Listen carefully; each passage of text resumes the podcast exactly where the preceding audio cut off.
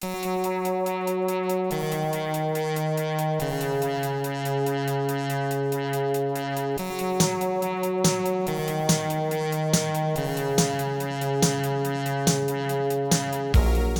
to First Draft with me, Sarah Enni. Today I'm talking to Adi Alsaid, author of Let's Get Lost and Never Always Sometimes.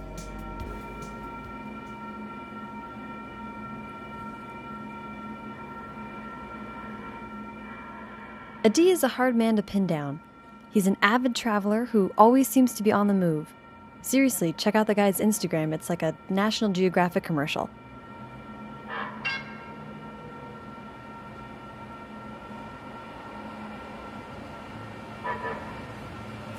Adi has become somewhat synonymous with travel because his debut novel, Let's Get Lost, featured a massive road trip. But with his second book, Never Always Sometimes, he's making a more lasting impression as a writer who can deftly evoke the earnest yearning and painful nostalgia of the teen experience. When Adi does stay in one place, it's Mexico City. Unfortunately for me, that does not mean that I got a vacation to do this interview. Adi was in town for a Los Angeles book event and was kind enough to make time to meet me and visit the Stone Brewery in Pasadena to have a couple beers. So order around, sit in the shade, and enjoy the conversation. Okay, so hi, how are you? I am great. How are you? Good, good to see you. Likewise. Yes, I'm sort of sad that we can't meet at your hometown in Mexico City. Um, I, I feel like no matter where we would go in Mexico City, we wouldn't find a spot that's like quiet and sunny. There'd be like traffic horns all the time. So this is perfect. Mm, Okay. Well, I'm so glad we can meet up, and thanks for making time. This is awesome.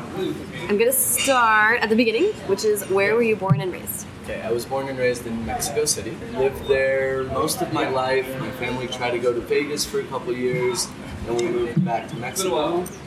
And after high school, I lived in Israel, at Las Vegas for school, California, and then I've been back in Mexico for about four years now. Okay. So what's the connection? You have a lot of Vegas back and forth with Vegas. Well, we used to go there a lot when we were growing up for family vacations and mm-hmm. stuff. In the 90s, it was such a kid friendly city. You know, arcades were enormous, there was like amusement parks. Yeah. Um, and so when my brother was in high school and we tried to move to Vegas for a bit, this was before 9-11, so it was like easier to try to mm-hmm. immigrate. And my brother's a basketball player and my parents were wondering if there was a chance that that could lead to somewhere. Oh, like like college scholarship and stuff like that. Yeah, and so he was in high school, and when it, it came time, we were back in Mexico. When it came time for him to decide where to go to school, he chose Vegas because that's where all his friends were going. Yeah. Yeah. And the rest of us, me and my younger sister, just followed suit. Yeah. So your younger sister went to UNLV also. Yes. That's awesome. Cool. Um, I love when parents only have to have one bumper sticker on their car. um, that's really neat. And you also played basketball, right? Yes, yes, and I now coach basketball, um, elementary and high school at the school we all went to in Mexico City. Really? Oh my god, Yeah. that's really cool. So, when in in all of that eventful childhood did you start writing? Probably when I was 11. The story I usually tell when people ask me this is in sixth grade we had like a list of vocabulary words and we had an in-class assignment to uh, use each of those in a sentence. And i wrote the story or i wrote a sentence. I don't remember what the word was or what the sentence was but it's what you'd expect from a, an 11 year old boy Yeah. It had like a sniper rifle and guts and it was a lot of fun to write and i've basically been writing ever since That's awesome. Did you make up, like, were you like, I want to say, I want to use the phrase play pretend. I feel like that's like maybe not what you would call it, but like, um, I mean, looking back at my childhood, it was like I would get my friends together and be like, okay, we're on a spaceship, and it was just like, like highly, highly imaginative, imaginative playtime. Did you have experiences like that? Um, absolutely. There was one friend in particular that I remember we always would. At one point, I think we were having a sleepover. This was like fifth grade, and we both couldn't fall asleep, and so we made up this whole world about a cave living under the sheets. oh my gosh, And cool. um, I don't know if it had much of a plot, but that's where we started with that. And then we had my brother and I had like every Teenage Mutant Ninja Turtle action figure, the whole universe. And I remember one day particularly, we just like set up our entire room with all these action figures, and the Ninja Turtles had to go through and defeat the bad guys. Like there was a whole structure to it. Oh, that's awesome! You set up like a physical in real life video game, Yes. basically. Yeah, basically. that's awesome. um, that's really cool. The and the other thing I wanted to ask about was was be, being multilingual. Do you are you English and Spanish, And also Hebrew? Yes. Because I had a friend who was, uh, her mom was Japanese and her dad was um, American born. Um, and her mother decided not to raise her as bilingual because there was some, some study or some research that she had found about um, someone saying they knew multiple languages but couldn't think deeply in any single one. And I'm just curious about what you think about that. Was there a primary language? Do you, your stories still get told in your head in primarily one language? How does this work for you? Um, from what I can tell, I, I learned the languages uh, first Hebrew Mm-hmm. at home, and then going to preschool in Mexico, I learned Spanish, Yeah. and then it was English starting in kindergarten. okay. And so that was like at first Hebrew was my primary language. And then I know that Spanish was the language that my siblings and I interacted in, my friends and I did.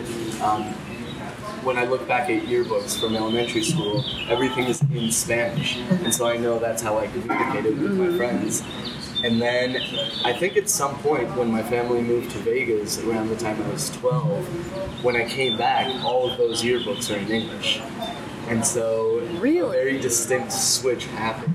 And I think it, like once we were in Vegas, my siblings and I all started talking to each other in English.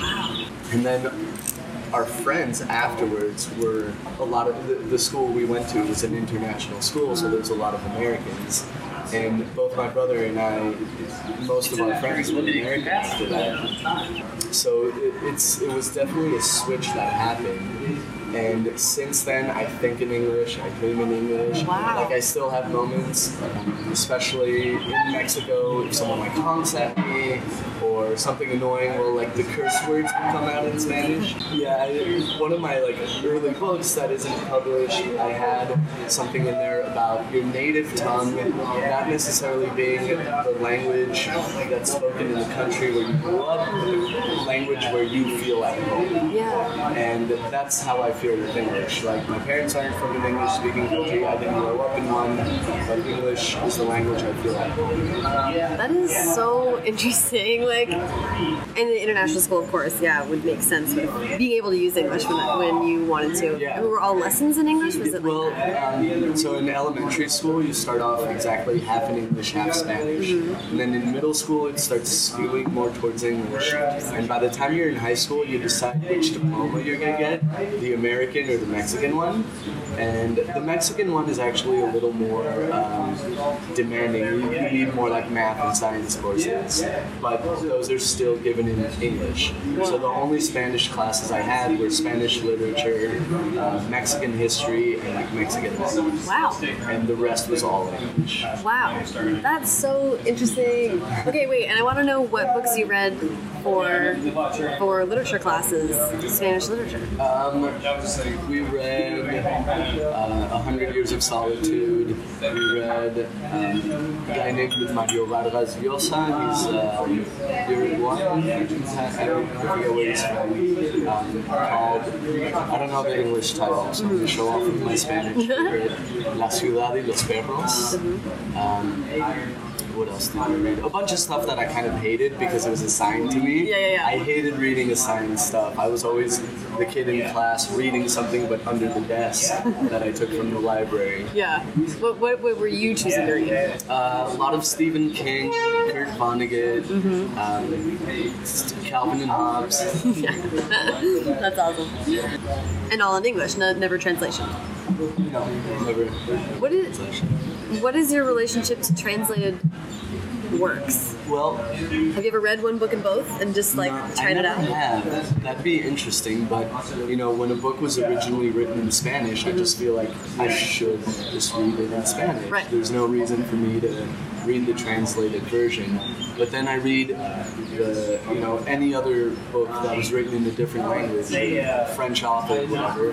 I'll read the English translation of the Spanish. Right. Because I, I did read more in English growing up, so my vocabulary is better. Uh, when I try to write in Spanish, I use you know English sentence structure and just the syntax of English kind of transposed into Spanish. That doesn't always work. Right. That's how like my head works. Interesting. Have any of your uh, have you sold book rights in Spanish? Yes, but like I didn't offer to do the translation. Yeah. I didn't want to. I don't think I can do myself justice Right. in this language. Yeah, people are professionals at that for a reason, right? Yeah, So, exactly. um, and what's the what is what role does Hebrew still play in your life? Um, well, I still speak it with my parents. The last time I went to Israel was seven years ago. But I did live there on my own for a time, and so I am completely fluent. But I'm almost like a six-year-old. Like I can get by, I can Yeah. talk to people, I can order food. I can't have like this conversation would not be very coherent in Right. Hebrew. right, right, right. So even though your siblings and you and and you changed to English, it was never it never shifted with your parents. Like No, dinner time conversation is always Hebrew. They almost always speak to us in Hebrew, and now we respond in English. Ah, okay. Um, sometimes my brother will try to keep it in Hebrew, Mm-hmm. especially when he's asking for something from my parents. yeah, it's a good tactic. If we have like if we have people around that we don't want you know, listening to our conversations, we'll go into Hebrew. Yeah. Oh, that's handy. I like that. Learning different languages and like structure and just it's not just syntax, it's how people think. Language is like the expression of different cultures on a very basic level. Has that helped you when you're getting in the heads of other characters? I mean, that's sort of an exercise in empathy and thinking differently in itself. Um, probably. Like I wish there were a way to measure that because that'd be so interesting.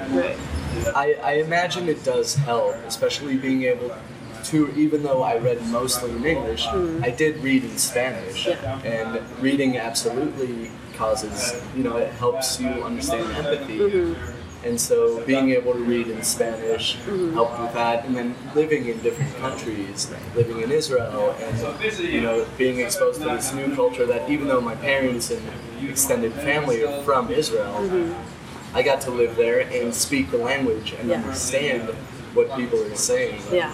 And so I think it does help. Yeah. So lead us up to where Let's Get Lost comes from. You you well actually wait. First, you started writing at eleven. What and you kept writing. I mean, what what form was that young writing take? Um, unfinished short stories. Like, I'd have tons of ideas, especially in high school, and I'd write a sentence or a paragraph or two pages or 20, and none of them ever had an ending. I think in eighth grade, I tried to write a screenplay, very heavily influenced by Fight Club. Yeah, and I think I, I like found it years later. And just went like, oh, so bad. I forget at what point in high school this was, but the one thing I did finish was uh, I went to see one of the like Anne Rice vampire movies. yeah. And I was sick and tired. Like the whole novella mm-hmm. came out of the specific thought that every vampire movie, they're like, we are immortal, and then they always die at the. Right. And so I was like, no, there, no one's gonna die. I'm just gonna write something about vampires where no one dies. And I went back and read that, and it is terrible, but I'm also like, hey, 15 year old Adi, you were. Some of that is good. There's like, there's lines in there that are solid. Yes. Um, And the concept is pretty cool. Just like saying, I want to see something different. How did what was the? I'm like, they die because that's like the climactic event. Like, what was the climactic event? um, I think by the end, one of them dies. Oh no, you were you're I like betrayed I, myself. Um, that's hilarious. so, so you finished not too many things. No, Until Let's Get Lost, or until Um, no, when did you? Mm-hmm. until so when I graduated from UNLV, I had a marketing degree and no jobs, Mm-hmm. and so I ended up packing my apartment into my car, moving to the coast of California, Mm-hmm. and writing. And I wrote my first book called Somewhere Over the Sun, Mm-hmm. which I self-published for a bit and then pulled from the internet in the hopes that maybe someday something can come of it. Yeah. And then I wrote two more books that are finished, at least drafts are. Mm-hmm. I'm sure they need work if they ever see the light of day again. Right. Um, and then Let's Get Lost came. Basically, I finished my third unpublished book and then applied for coaching positions because um, I was like, okay, it's time to time to reach out, try to do something else while I'm also writing. Right. So the same week that I finished the third book, I got hired for a coaching position, and then I signed the deal that is now Let's Get, for what is now Let's Get Lost. That's awesome. And that was my birthday week, so Whoa, oh my god, week. wow, that's crazy. Okay, I want to go back and fill in some holes in the plotline because I know there's some. Um, first of all, why marketing? Because I had no idea what I wanted to do. Yeah. and I was I was undeclared I think until halfway through my sophomore year, um, and I had started leaning towards business just because I wasn't very academically inclined, but I wanted being a Mexican citizen and being there on a, uh, on a student visa. I wanted something that could keep me in the States, so that would get me a job. You know, at that point, I had no idea I was going to become a writer. I knew I liked writing. You know, I didn't think I could finish a book. Right. And so I went into marketing because it was creative. I'd taken some like intro to business class where I'm like, hey, that you know, I could work with that. Yeah. Sounds interesting. And so I yeah, I studied marketing, but I did a whole bunch of other stuff throughout college. I wrote for the school newspaper, and I worked for the basketball team, and I worked as a fundraiser for the university, just kind of like dipping my toes into as many waters as possible because I had no idea what I wanted to do. Yeah. So, so you graduate and you go to California. Where? Where in California? Monterey. And were you crashing with a friend or was it? No, I like looked up an apartment online. Wow. So I it was three days before graduation. This one company that I've basically been working for, they ran the, the fundraising at UNLV. And so I applied to be a traveling manager for them. And it was like a dream job, and I said, this year goes by, I have my visa current, and when that expires, maybe they give me a job, maybe I've saved up enough money to go right. So that was in the back of my mind, but I was kind of counting on them giving me the job for at least a year. Right. Three days before graduation, they called me and said, sorry, we're gonna go a different direction. So I was like, oh, shit. Right. What do I do now? Yeah. So I started racking my brain and I thought, well, maybe I just skip that year Yeah. and I go right and I'll, you know, I had very little money saved up. So I was going to have to ask my parents. Mm-hmm. So I sat my parents down and I said, I have this idea. And thankfully, my dad is the kind of entrepreneur who he likes people not having bosses. He likes people pursuing their dreams. So he said, "Okay, go and do this and show us that you can. First of all, write a book, and then if you can write one in however much time, we'll give you like two years and then reevaluate. If nothing happens, then we'll look at other options." Yeah. So he was like your patron. Yes. Yeah. Yeah, I had like an old school Yeah. Dickens self. That's pretty great. Um, and so I was looking at different options. I knew I wanted to leave Vegas because I had too many friends, too many distractions. Um, I Plus, it seems like you're not like a stay in one place kind of person. Yeah, yeah. that too.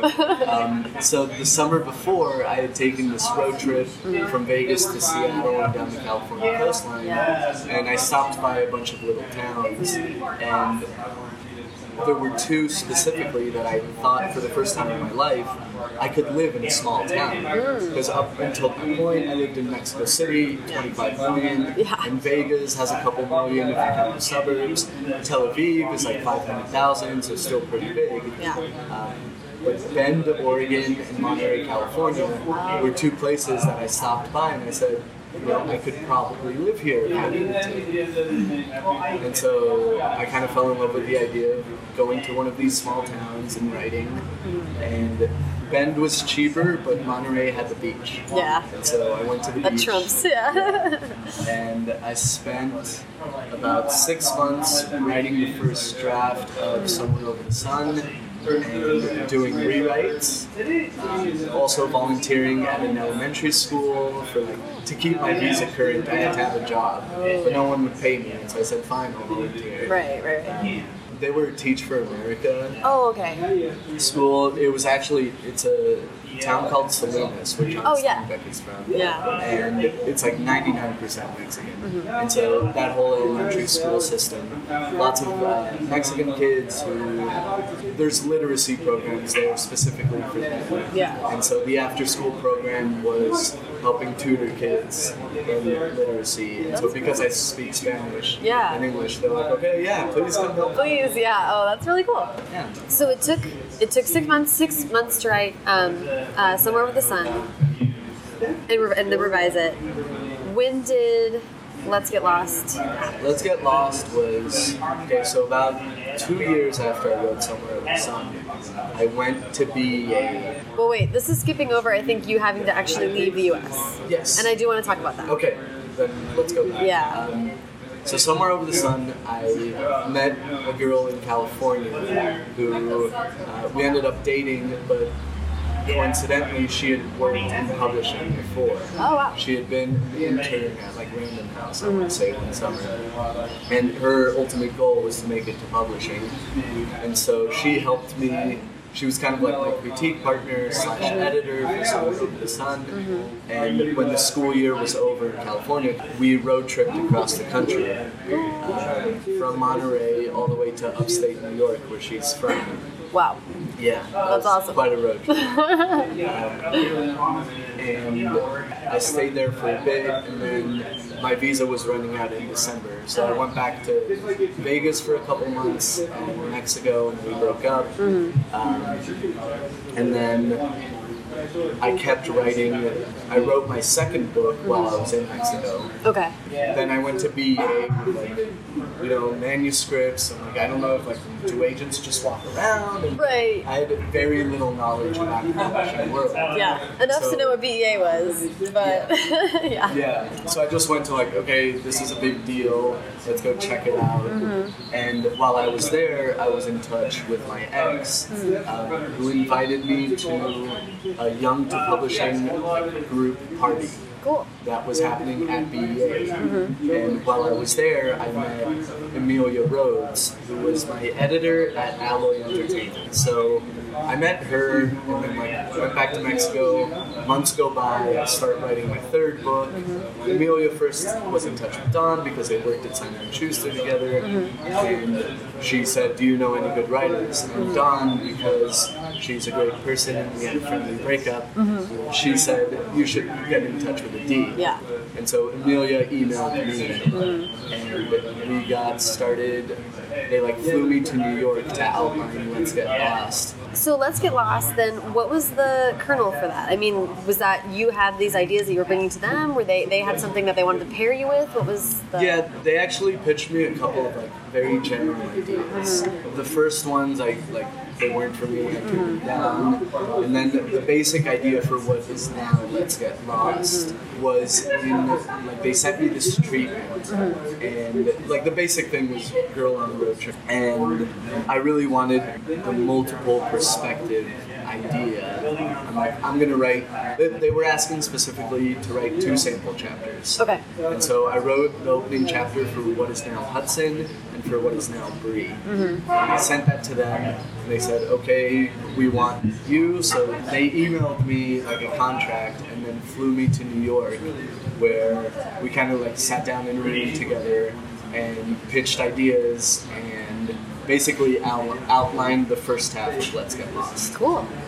So I went back to Mexico and I wrote the first half, and they wrote a proposal for the second half, and that's what we submitted to publishers. Wow, cool. So right from the beginning, though, you were going for different points of view. Yes. Um, what was the inspiration do that? Well, that's something I've always enjoyed doing. Somewhere over the sun, um, on paper, it could be Let's Get Lost, like a different Really? version, which is what I was like. I've written a book kind of like this. I don't want to write that same book again, but Somewhere Over the Sun is about a young writer who takes a road trip, visiting all these friends, and each um, it, it's kind of you get one chapter in his perspective and one chapter in the friend's perspective. oh, interesting. And so I thought, you know, that'd be great, but just following this girl visiting strangers all the way on the road trip. Yeah. Um, basically, everything I've ever written, including that vampire novella, were was in multiple perspectives. Why do you think that is? I think because I'm,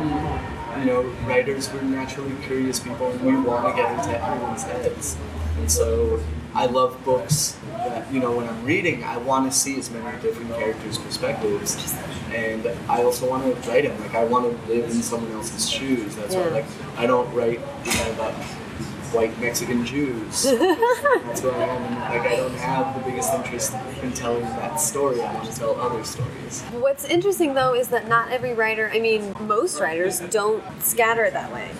To me, it's interesting because you have the different perspectives, but it's also just harkening back to a short story format. I mean, it's sort of messing with form at the same time that it's that it's messing with perspective. So, do you think that was an equal pull, just going for the kind of a vignette? Probably because I was I was always a short story fan, not just reading but writing. All those unfinished things were all short stories. Uh, I think a lot of writers we start out writing short stories because we can't imagine tackling a novel right, Right. away. Most of us have to like work out these ideas and figure out like oh there's got to be you know a whole progression and character development and in short story you can just like you have an idea and you run with that until you run out of steam and so I, I think for somewhere over the sun I specifically had the thought where like what if I can't write a whole novel Right. and so the multiple perspectives will help mm-hmm. and I actually like because the main character is a writer and he's writing stories. Mm-hmm. So the, the stories that he writes suddenly start coming to life. Oh, And so that's why he goes on this road trip to write happier lives for his friends. And so I actually interspersed little snippets of short stories throughout that whole novel. That he wrote. Oh, that's super interesting. Yeah. Um, that made it easy. You know, my first book would not be like, oh my god, I have to write one character Right. for 300 pages. Right. I've never finished anything. how much of yourself are you putting in each of these different characters? Um, so I've definitely improved as a writer since Somewhere Over the Sun, where, I mean, I, I was very conscious of the fact that I was writing different voices mm-hmm. with Somewhere Over the Sun at first, and like, I want to make sure those are differentiated. Right. And the, the, Don and another friend of mine who were helping me edit, they helped me point those things out. But since then, because the other books I wrote were also multiple perspectives, and I started getting more varied voices. So by the time I sat down to write Let's Get Lost, I feel like I was better at differentiating those. I'd read more YA and I got a better feel for how YA voices sound.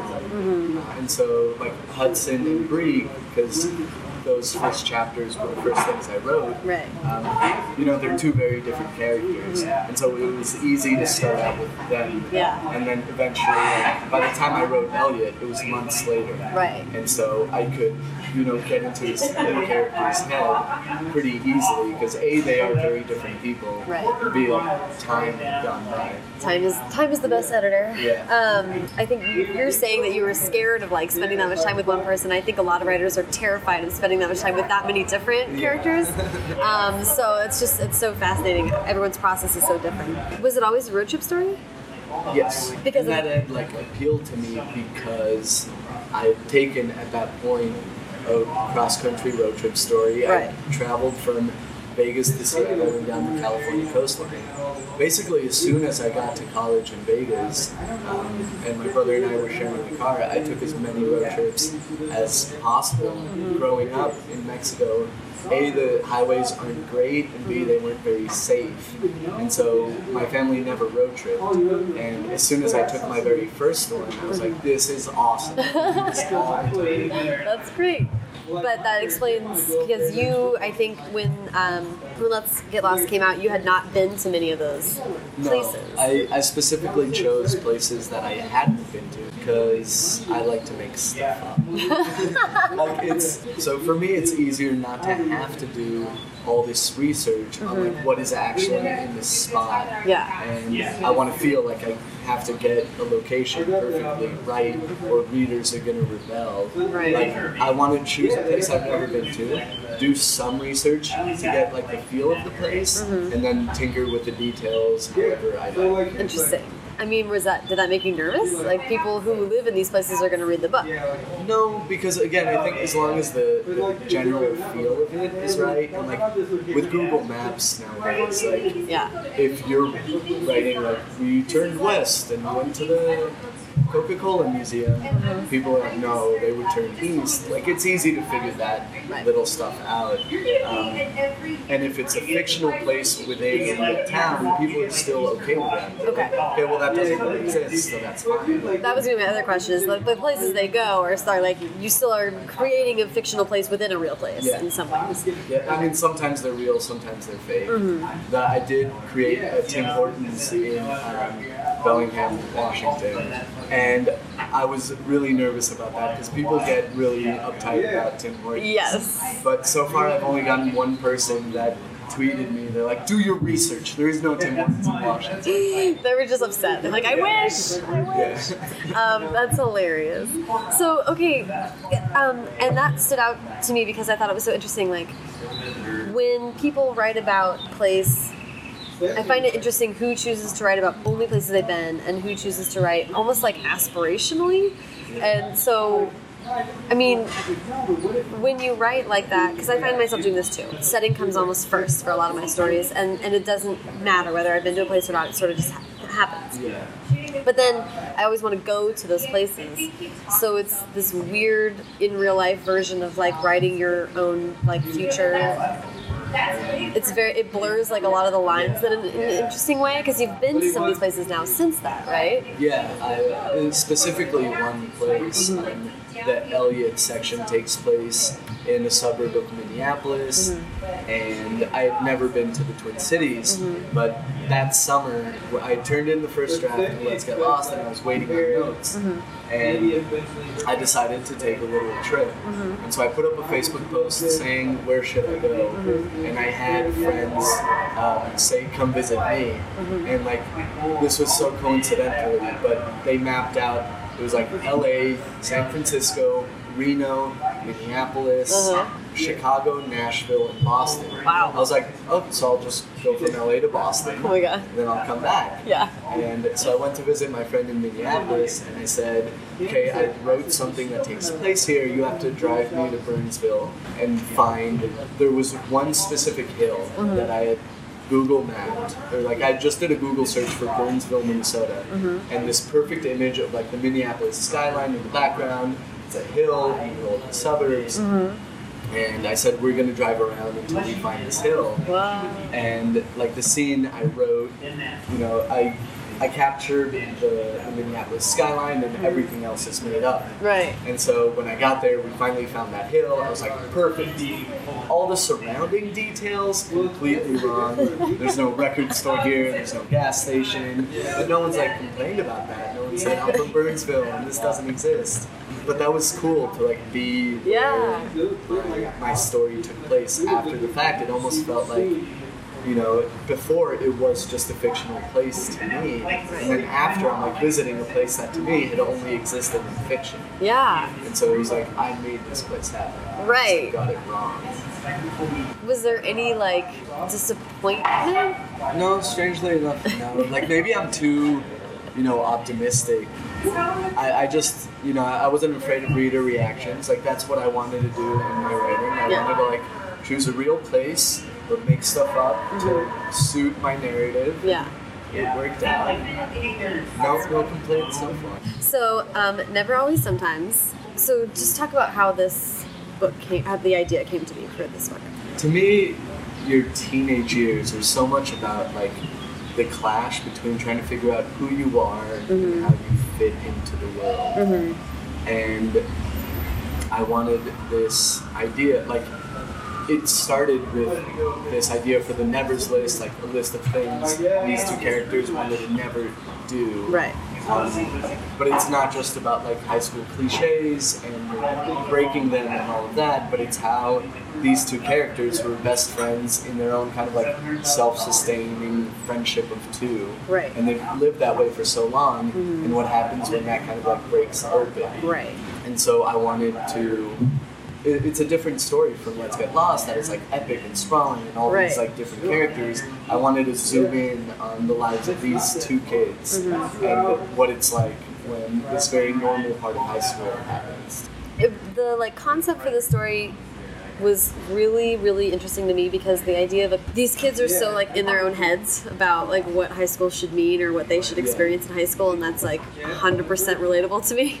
Um, and i hung out with a bunch of people in high school that were like you shouldn't like this type of stuff and you need to be cool in this certain way and all that kind of stuff and um, so for me the the like realization that you should just like what you want to like was a really big one which is essentially like the core of the novel.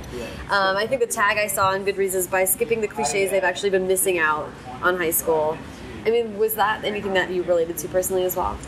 Um, not as specifically as though like a list of things Right. that I wanted to avoid, but just that general thing about you know, in in- because I went to high school in Mexico and alcohol enforcement is not quite as yeah rigorous as it is here. Uh-huh. And so like, you know, everyone would go to parties and drink, and I was a very shy kid, and I was an athlete. I played basketball, so I didn't want to do any of that. Right. But I still like, you know, I was shy, but I'm still a people person. Where I wanted to hang out with people Mm-hmm. Right. and be liked and like others. Right. But I was in these situations where like. The few times I'd go to a party, I'd be like, "Well, I don't fit in here. Right. How do I fit in?" Um, it, it- it's weird because I was like, I mean, I was a huge reader, um, so a little geeky, but I was also on the basketball team, so like a job. right Maybe even though basketball in Mexico is not popular, Really? we, we had zero people at our stands. Like I coach at that same team now, and there are still zero people in the stands. I mean, there were some high school cliches that I was definitely guilty of, mm-hmm. like you know, kind of having unrequited love that spanned too long, like just mm-hmm. silent crushes on girls. Mm-hmm. Um, how did you come up with the cliches Um, I came up with about 20, and I actually sent them to Emilia was still at Alloy at this point. And so I sent it to her because, um, and I actually I sat in on high school classes to like watch kids and like kind of get um, you know get a better feel for them. Even though I'd been coaching teenagers for a couple of years, I still wanted to rem- remind myself what life was like in the classroom. Yeah. Um, but this school I was sitting at, it's in Mexico City. It's an international school. There's a lot of like embassy kids and a lot of kids Right. from rich families, and so it, it's a whole different world. Mm-hmm. And so I came up with a list of cliches, and then I sent them to Emilia, and I was like, "Are these actually cliches? Right. Like in the U.S. Right. Do these things happen, or am I just picking, you know, movie team cliches Right. that aren't real things?" right There's one particularly that I'm not sure if it is a cliche, but never look up with a teacher. Like, is that? Do people? well i mean it would be yeah i think it would be cliche It to do be that for sure yeah Because I, I like that's in there because it was a very fun storyline to Right. Mm-hmm. pursue. But I wasn't sure. Like, is this actually? Fit? Like, maybe it's a college thing where like you look up and you're like, grad assistant. Right, your TA, yeah. No, that's what I was gonna say. It's like it's a cliche to have. I would say that in American, at least from my perspective, in American high school, it's a cliche to have like a crush on your teacher. But it's like pretty like out there to like talk about actually like hooking up with Yeah. one. Like that's intense. how does that? How did you handle that? I mean, that's like Um, you have issues of legality when you're like tackling a story like that. Well, I think because um, so much so much of it is tongue in cheek, mm, and mm. like there's without trying to spoil that storyline, you know, it doesn't ever come close to anything happening. But I wanted to make it as funny as possible. Yeah, okay. So Yeah, I mean, in my high school, there was definitely the cute teacher, and he was like the baseball coach and all this stuff. And it was like girls were like borderline for sure. girls were like very actively trying to like spend more time with this person, so it was a thing for sure. well, this teacher, the one who never always sometimes, mm-hmm. he's not that guy. Okay. He is a complete. He's the weird teacher who kind of has a mullet, and he like. The, our first sight of him is they walk by the classroom and he's balancing chalk on a yardstick, and so like he's not the desirable teacher, and so that kind of adds into the comedy. Interesting. Okay, okay, I like that. That's awesome. So that is a really good point, though, that like you are coming from a really different perspective than. Let me preface this by saying I went to high school in California, so my high school experience was eating lunch outside. No one ever went in the cafeteria, um, and with like seagulls pooping on people, Yeah. and like that, and like we had no lockers, and everything was outside. It was just like really different. So when I read books by people who went to typical American high schools, like they being inside, having multiple stories, and like all this shit like makes no sense to me. So you had an even more farther afield high school experience. How do you like balance like I mean your audience is U.S. Yeah. readers, so how do you sort of like find the middle ground? I mean, I tried to make it, you know, as U.S. as possible to my experiences, uh, and it helps that the school in Mexico is kind of, you know, it's designed in a somewhat American school way, where like hallways with lockers, and that's not always the case in Mexico. So other people have come to visit, like visiting teams come to our school, and they're like, "This is weird." Interesting. So it's like, um, and it's also, you know, I hang a a lot of my friends are teachers at the school who are American, Okay, and they tell me about their high school experiences. interesting. Also, when I was doing the rewrites for Never Always, sometimes I was on tour for Let's Get Lost, and so I was doing school visits, Oh. and I'd look around and be like, okay, do I have to fix anything glaring? And I think the interesting thing about the states is that there are enough varied experiences Yeah. where people they kind of assume, okay, I just had a different one, Right. But people have different experiences. I think I was just talking to um, Katie McGarry, another Harlequin teen author, about how in a manuscript she included like a basketball homecoming.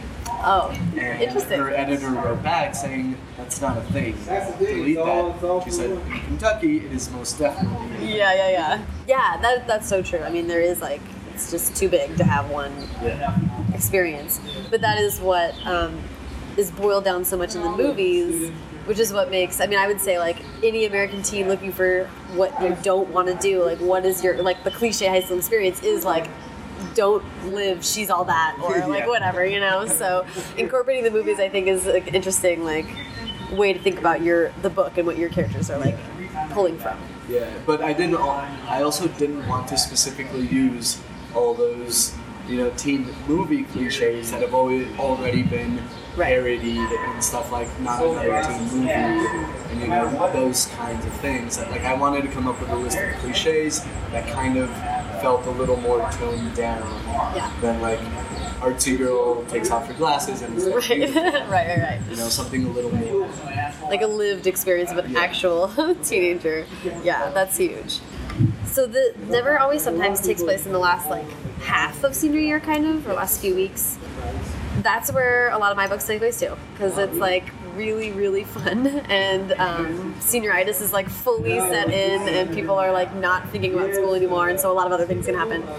But it's also um, road trips are, are the same way. And this weekend, Meg Wolitzer was at LA Times Festival of Books, and she had this great quote where she was saying, you know, books don't take place on one character's ordinary day. Books take place on someone's bouillon cube concentrated day with an extraordinary experience. And so, like, the last few weeks of high school and a road trip are these crazy concentrated experiences.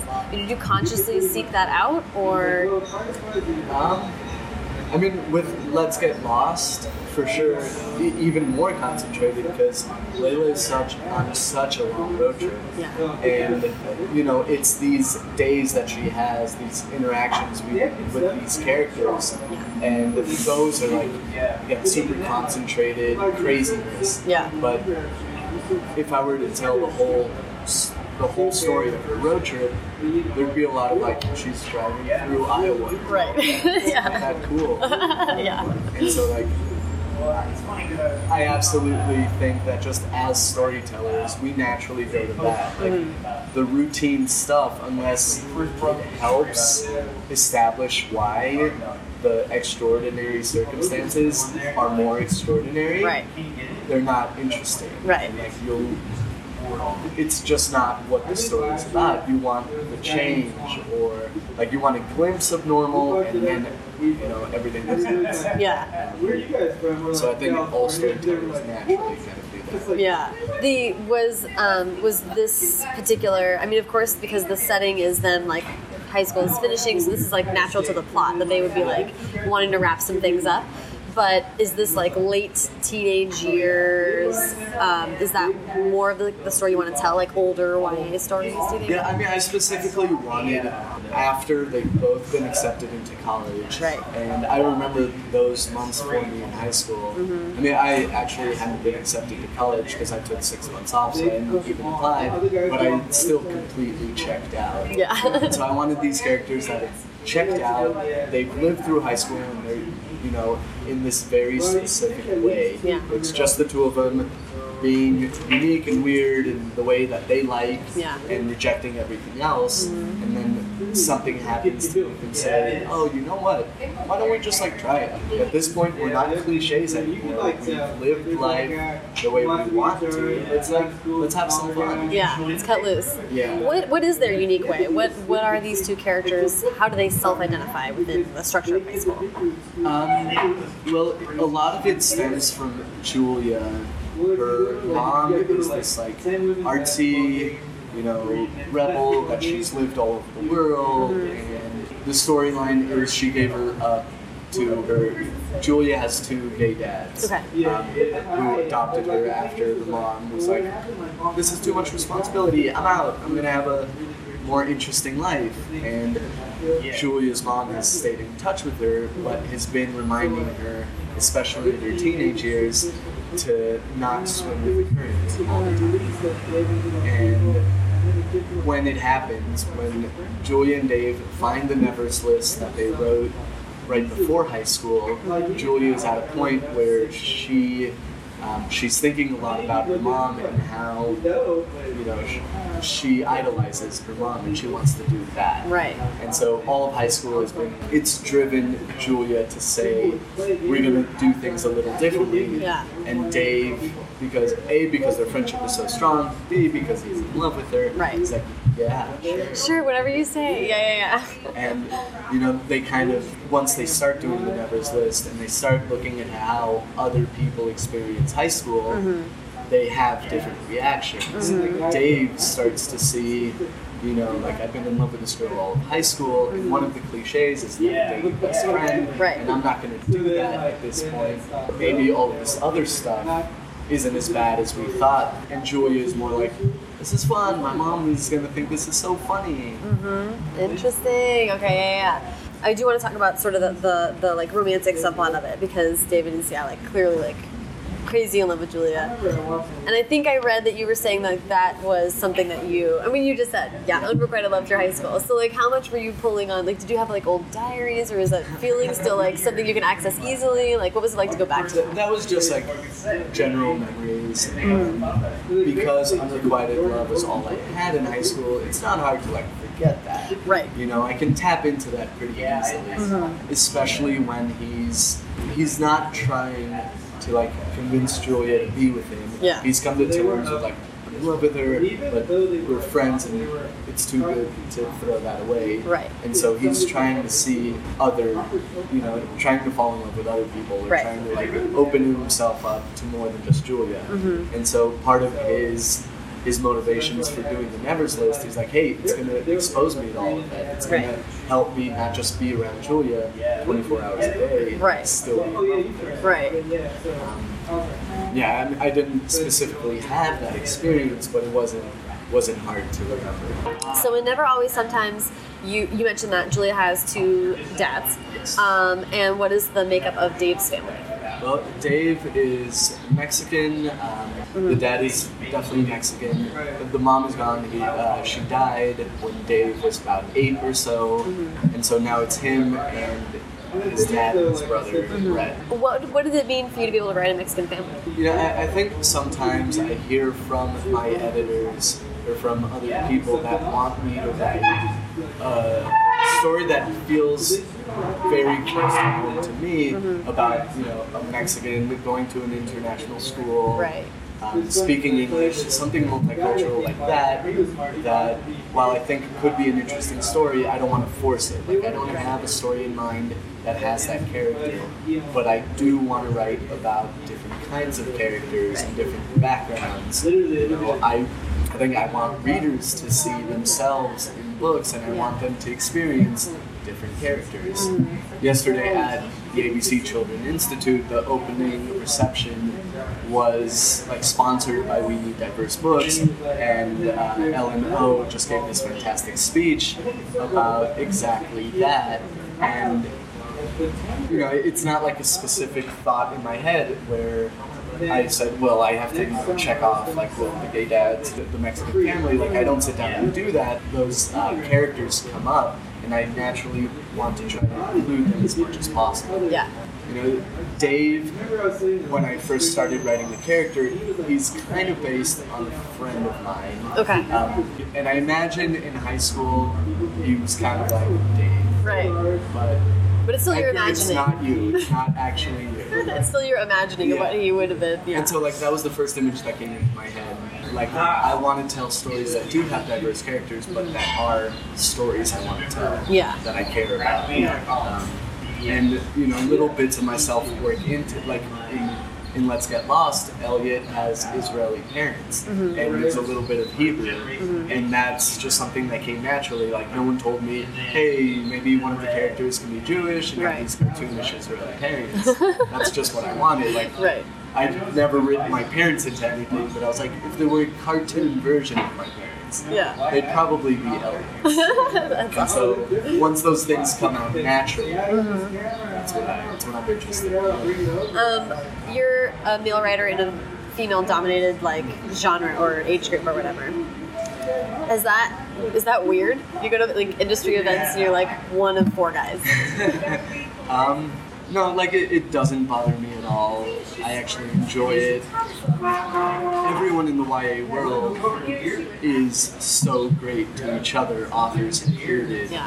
Um, that I, I mean, I never like feel like I wish there were more male authors on my panels or anything. Yeah. Um, I'm more than happy to be the exception. Yeah. You know, there's all kinds of, of evidence for it and also anecdotal evidence for like male writers getting an unusual amount of attention or, Yeah. or accolades um, when they publish versus women, even though YA is dominated by women. I mean, I guess the question is just like, have you perceived that? I mean, what do you, how do you feel about that?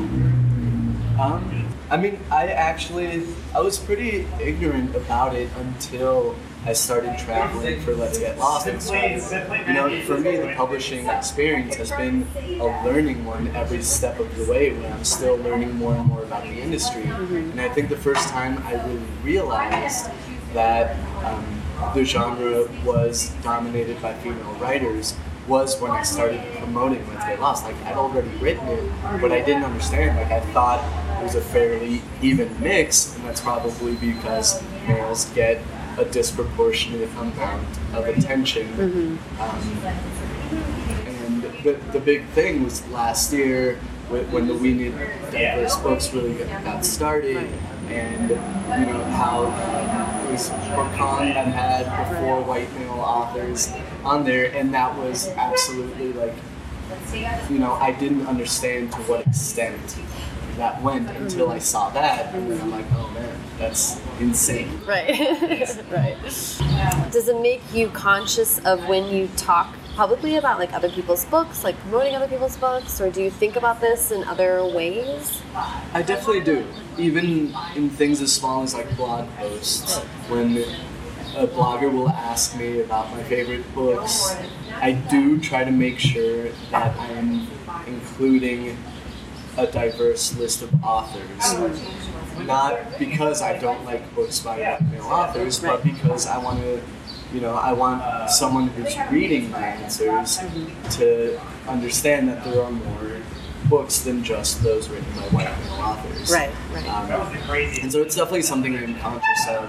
And I mean, so many of my favorite authors are female authors. And I want them to get the attention they deserve. Like the last year, some of the books uh, that I read that were my favorites were Jandy Nelson's I'll Give You the Sun, Leslye Walton's Strange and Beautiful Sorrows of Ava Lavender, which is probably the book that made me want to write a book set in the Pacific Northwest. Oh yeah. Because like she just made it sound so magical. Yeah. I'm like, well, if I write about it, it'll sound as magical as hers. Right, right, right. Um, and there's so many like incredibly talented writers, female writers in the YA world that I want to let people know. Like, you know, maybe there's teen boys that like my books and they read my answers and they say, okay, well, I'll go check out these books, Right. not just you know the dystopian or Right. not just written by other male authors. I was at Irving, Texas Library, um, you know, a few months before the Texas Book Festival,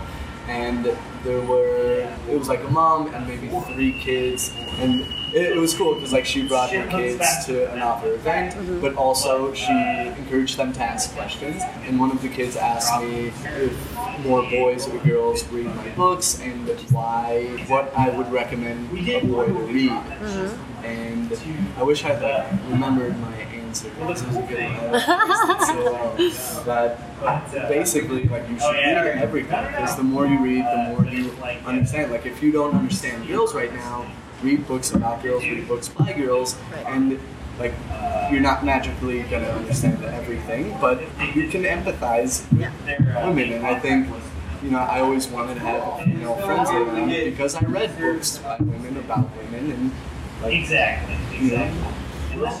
Yeah, I was gonna say that it makes it clear that, that we're not aliens. Like the other is not like something that's impossible to understand. Yeah.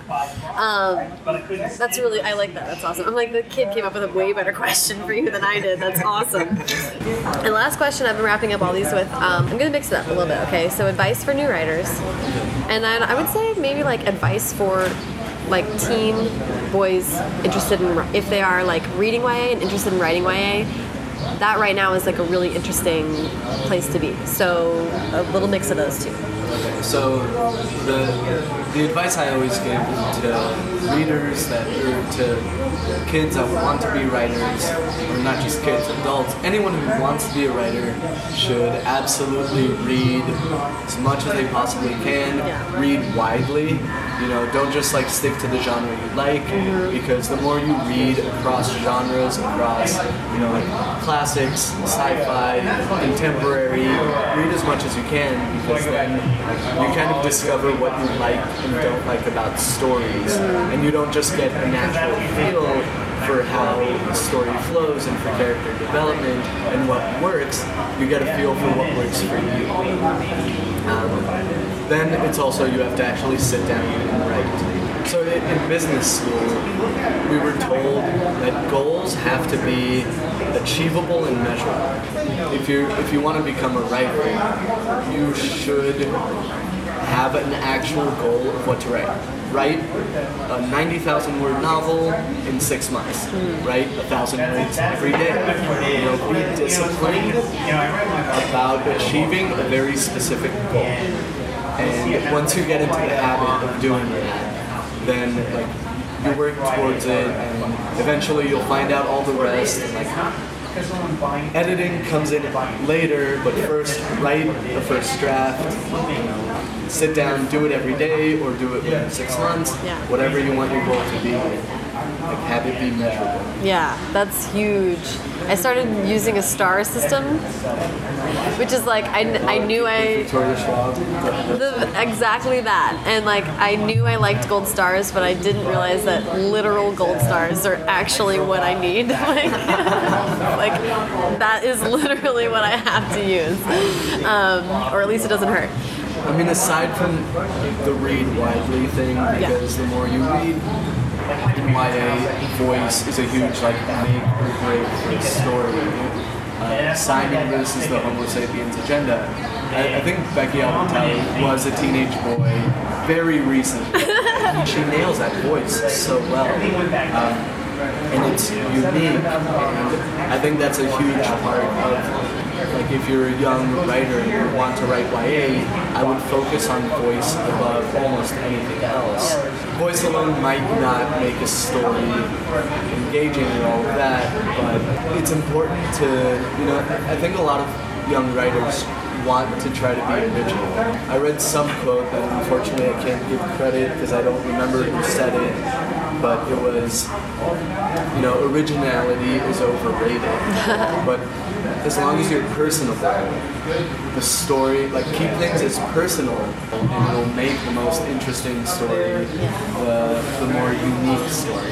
That's awesome. Well, thank you so much. This was so fun. I'm glad you the time. Now let's go drink beer. Yeah, for sure.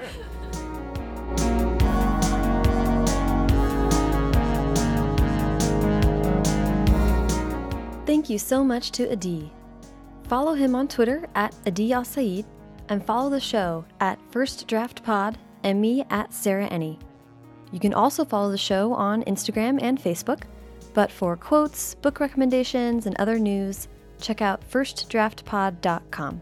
If you like what you heard, subscribe to the podcast on iTunes or Stitcher, and I'd be forever grateful if you left a rating or review there too. Through some kind of cybernetic alchemy humans may never understand that helps get the podcast to other folks who might enjoy it. Thanks to Hash Brown for the theme song and to Colin Keith for the logo. And as ever, thank you, fellow travelers, for listening.